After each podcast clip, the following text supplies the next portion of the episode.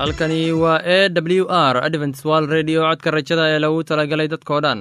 Anigoo ah cabdi waxaan idin leeyahay dhegeysi wanaagsan.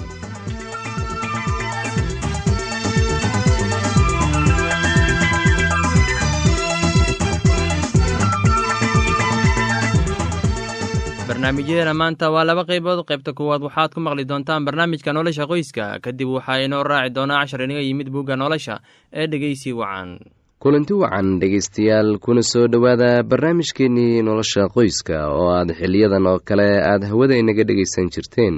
Mowduuciina maanta wuxuu ku saabsan yahay waxyeelaynta haweenka anigoo ah cabdi waxaan idin leeyahay dhegaysi wacan dhammaantiinba.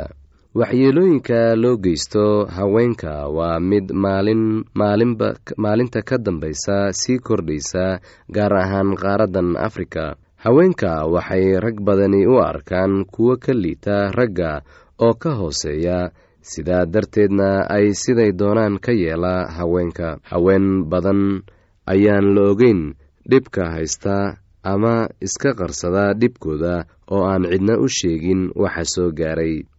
Waxaa loo baahan yahay in marka hore ay ragga qaarkood ay fahmaan in haweenku ay yihiin bini-aadam iyagoo kale ah loona baahan yahay in la xaq dhowro oo aan dhibaato iyo waxyeelo toona loo geysan. Waxaa meelaha qaar lagu arki karaa dalkeenna haween aan loo turin. Waxaad arkaysaa haweeney uur leh oo biyo dhaaminaysa ama beer falaysa halkii laga rabay in raggu ay hawsha culus ka dhaafaan haweenka gaar ahaan xilliyada ay uurka leeyihiin ama ay jiran yihiin. Waxaa mararka qaar dhacda in ay garaacaan haweenaydii uurka lahayd oo biyo dhaaminaysa ama howl kale haysa. Dabeecadahan waxay ku badan yihiin meelaha dhoobeyda ah oo raggu ay aad ugu shaqeeyaan haweenka una iyagoon u naxariisan oo u taal sheegta mar walba. Sidoo kale ragga magaalooyinka jooga waxay iyaguna u itaal sheegtaan haweenka. Waxaan inta badan aragnaa haweenka oo shaah dariiqyada ku iibiya ama qaad iibiya iyagoo reerkooda biilaya. Taa la yaab ma laha waayo waa shaqo loo baahan yahay. Laakiin waxaa dhacdaa in rag badani ay ku dilaan xaasaskooda ama ay ku qayliyaan si qaad loogu iibiyo haddii aysan siinin lacag ay ku iibsadaanna ama qaadka aysan siinin ay markaa qaylo iyo dhibaatooyin u geysanayaan. Haddaba dhegaystow ku xadgudubka haweenka waa dembi weyn ilaah agtiisa waana in aan waajib ballaaran iska saarnaa dhowrista xuquuqda haweenka waayo waynala dhasheen oo wayna dhaleen waana aan la dhalanay. Rag inala mid ahna way la dhasheen. Ragga qaar ayaa qabaa in haweenku aysan inaba xuquuq lahayn ama u maleeya in ay ka liitaan. Runtii ragga iyo haweenka ilaah ayaa wada abuuray oo ilaah agtiisa way u wada siman yihiin. Ogow haddii aad xaqirto ruux haweenay ah inaad xaqirtay hooyada tii ku dhashay adiga. Ragga qaar ayaa si xun u garaaca haweenka oo dhaawacyo xunxun gaarsiiya. Qaar nafta ayay ka qaadaan qaarna way kubsadaan hadday doonaan. Halka qaar ay si xun ugu shaqeeyaan. Haweenka waa bini-aadan mana aha in si xuushnimo ah loola dhaqmo waana mid dembi ah. Xaqiraadda lagu hayo haweenka.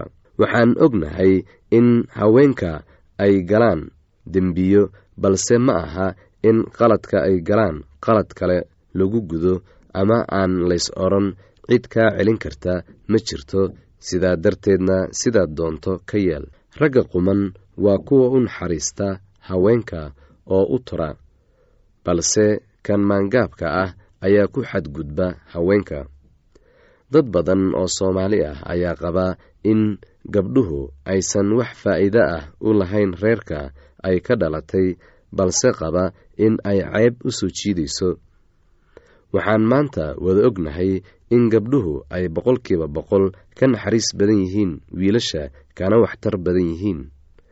Guud ahaan haweenku waa aasaaska bulshada maadaama ay aasaaska bulshada yihiinna waa in ahmiyad gaar ah la siiyaa oo aan lagu xadgudbin lagana ilaaliyaa kuwa ku xadgudba haweenka sharcigana la keeno si waajibaadkooda loo marsiiyo dhegeystayaasheenna qiimaha iyo qadarinta mudano waxaan filayaa inaad si haboon u dhegeysan doontaan. Haddaba haddii aad qabto wax su'aal ama talo iyo tusaale oo ku saabsan barnaamijyadeena maanta fadlan inala soo xiriir. Dib ayaynu kaga sheegi doonaa ciwaanka yagu balse intaynan u guudagelin barnaamijyadeena xiisaa leh waxaad marka hore ku soo dhowaataan. Heestan daabacsan.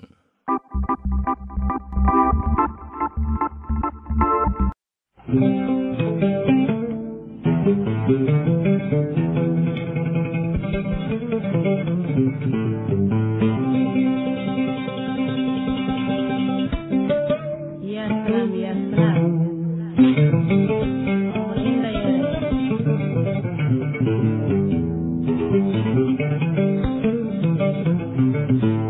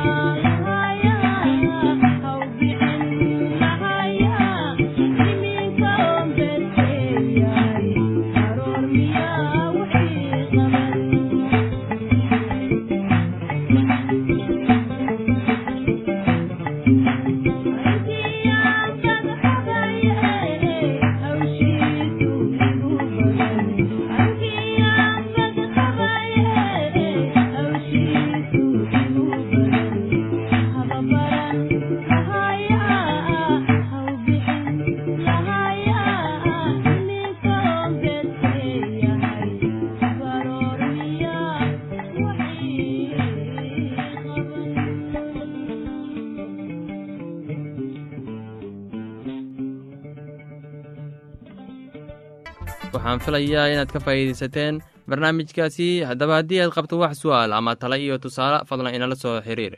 Ciwaanka yagu waa codka rajada sanduuqa boosada afar laba laba todoba lix nairobi kenya. Mar labaad ciwaanka yagu waa codka rajada sanduuqa boosada afar laba laba todoba lix nairobi kenya. Imeilka yagu waa somali at a w r o r g. Mar labaad imeilka yagu waa somali at a w r o r g. Ama barta internetka ciwaanka yagu oo ah w w w codka rajada dot o r g mar labaad ciwaanka yagu waa w w w codka rajada dot o r g ama waxaad inagala soo xiriiri kartaan barta emesonka ciwaanka yagu oo ah codka rajada at hotmail dot com. Haddana kabogasho wacani heestanii soo socota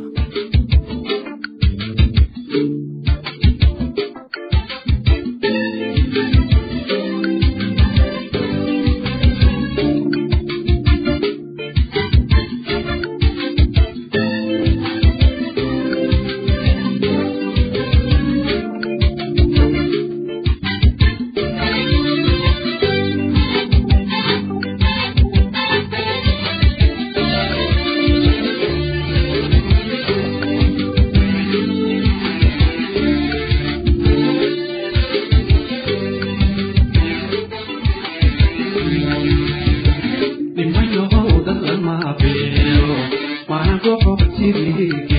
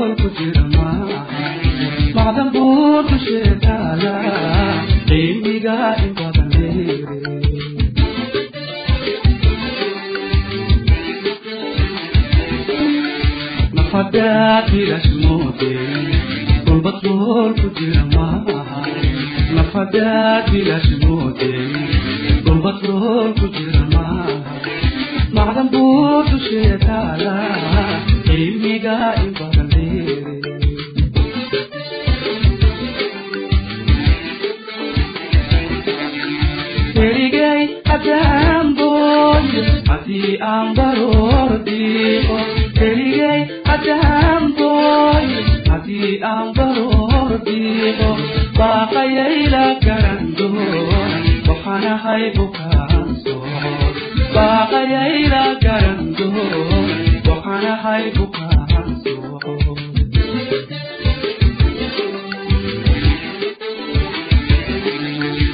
keligay ataan booye haddii aan bahoor diiqo keligay ataan booyo haddii aan bahoor diiqo baaqayayla garan dumo waxanahay bukaan sumo baaqayayla garan dumo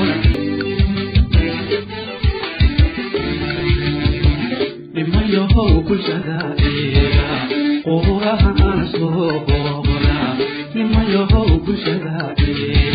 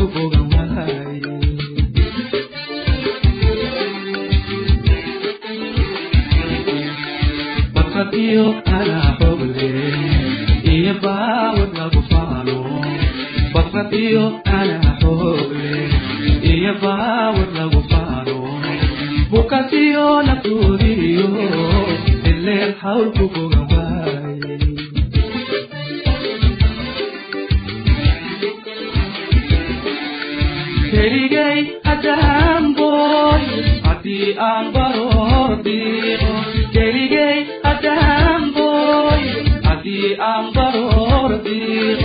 baaqayayla garan doon waxaan ahay bukaansoon baaqayayla garan doon waxaan ahay bukaansoon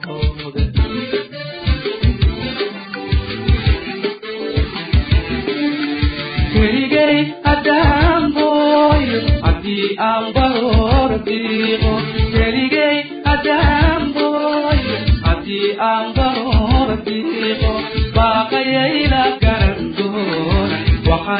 bukaansoon baaqayayla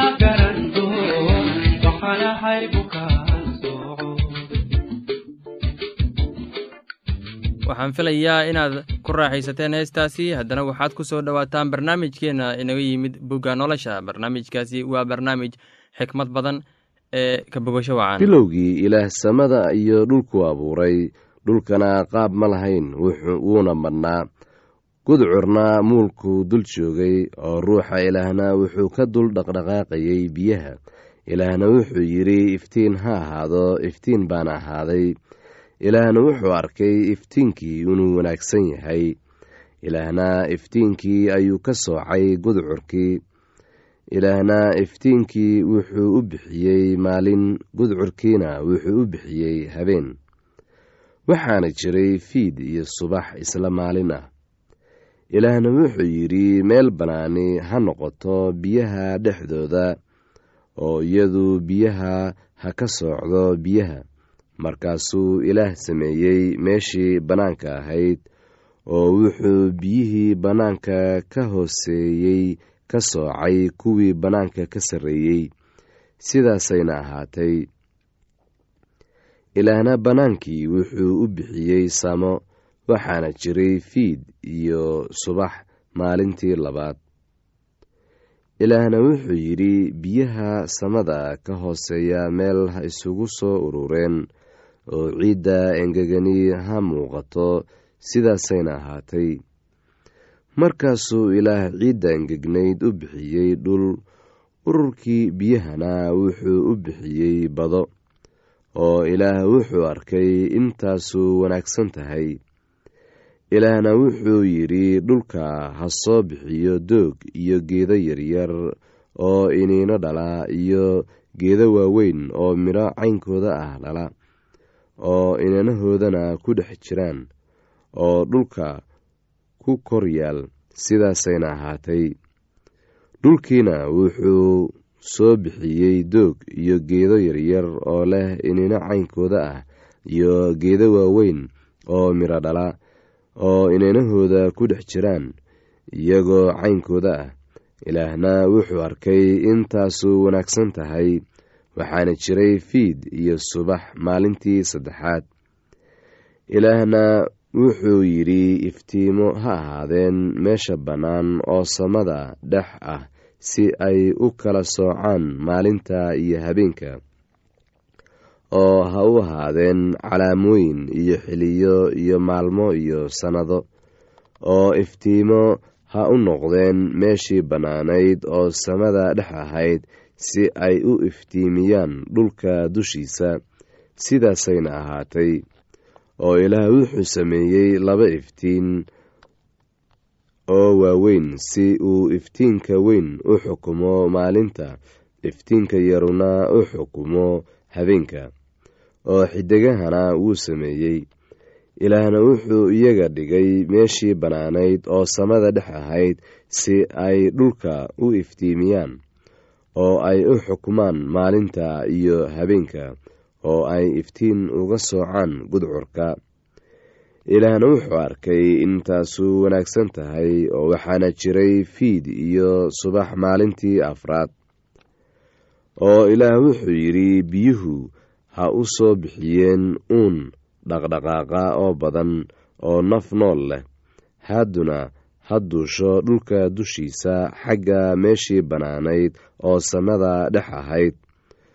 Oo ilaah wuxuu abuuray nibiryada badda oo waaweyn iyo uun kasta oo nool oo dhaqdhaqaaqa ee biyuhu aad u bixiyeen iyagoo badan oo caynkooda oo kala dhala iyo haad kasta oo caynkiisa dhala.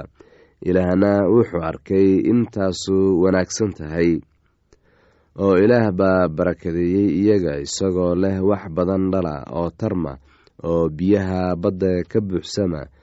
Haaduna ha ku tarmeen dhulka oo waxaana jiray fiid iyo subax maalintii shanaad oo ilaah wuxuu yidhi dhulku ha soo bixiyo uun nool oo caynkiisa dhala kuwaasoo ah xoola iyo waxa gurguurta iyo dugaagga dhulka oo caynkooda dhala. Sidaasayna ahaatay ilaahna wuxuu sameeyey dugaagga dhulka oo caynkiisa dhala iyo xoolo caynkooda dhala iyo wax kasta oo dhulka gurguurta oo caynkiisa dhala ilaahna wuxuu arkay intaasu wanaagsan tahay. Ilaahna wuxuu yidhi aan nin inoo eg ka samayno araggeenna oo iyagu ha xukumeen kalluunka badda iyo haadda hawada iyo xoolaha iyo dhulka oo dhan iyo waxa dhulka gurguurta oo dhan oo ilaah nin buu ka abuuray araggiisa. Ilaah araggiisa ayuu ka abuuray isaga lab iyo dhadig ayuu abuuray oo ilaah baa barakadeeyey iyaga oo ilaah wuxuu iyaga ku yidhi wax badan dhala oo tarma oo dhulka ka buuxsama oo ka sara mara dhulka xukuma kulunka badda iyo haadda hawada iyo wax kasta oo nool oo dhulka kor dhaqdhaqaaqa. Oo ilaah wuxuu yidhi bal eeg waxaan idin siiyey geed kasta oo yar oo iniino dhala oo ku yaal dhulka dushiisa oo dhan iyo geed kasta oo weyn kaasoo miro leh oo iniino dhala oo waxay idiin noqon doonaan cunto oo dugaag kasta oo dhulka jooga iyo haad kasta oo hawada oo hawada duusha iyo wax kasta oo dhulka gurguurta oo naf nool leh ayaan geed kasta oo cagaar ah cunto u siiyey. Sidaasayna ahaatay oo ilaah wuxuu arkay wax kasta oo uu sameeyey oo bal eeg aad bay u wanaagsanaayeen. Waxaana jiray fiid iyo subax maalintii lixaad. Heestaasi iyo casharka buugga nolosha ayaanu ku soo gabgabayneynaa barnaamijyadeena maanta. Halkaad inaga dhegeysanaysaan waa laanta afka soomaaliga ee codka rajada ee lagu talagalay dadka oo dhan.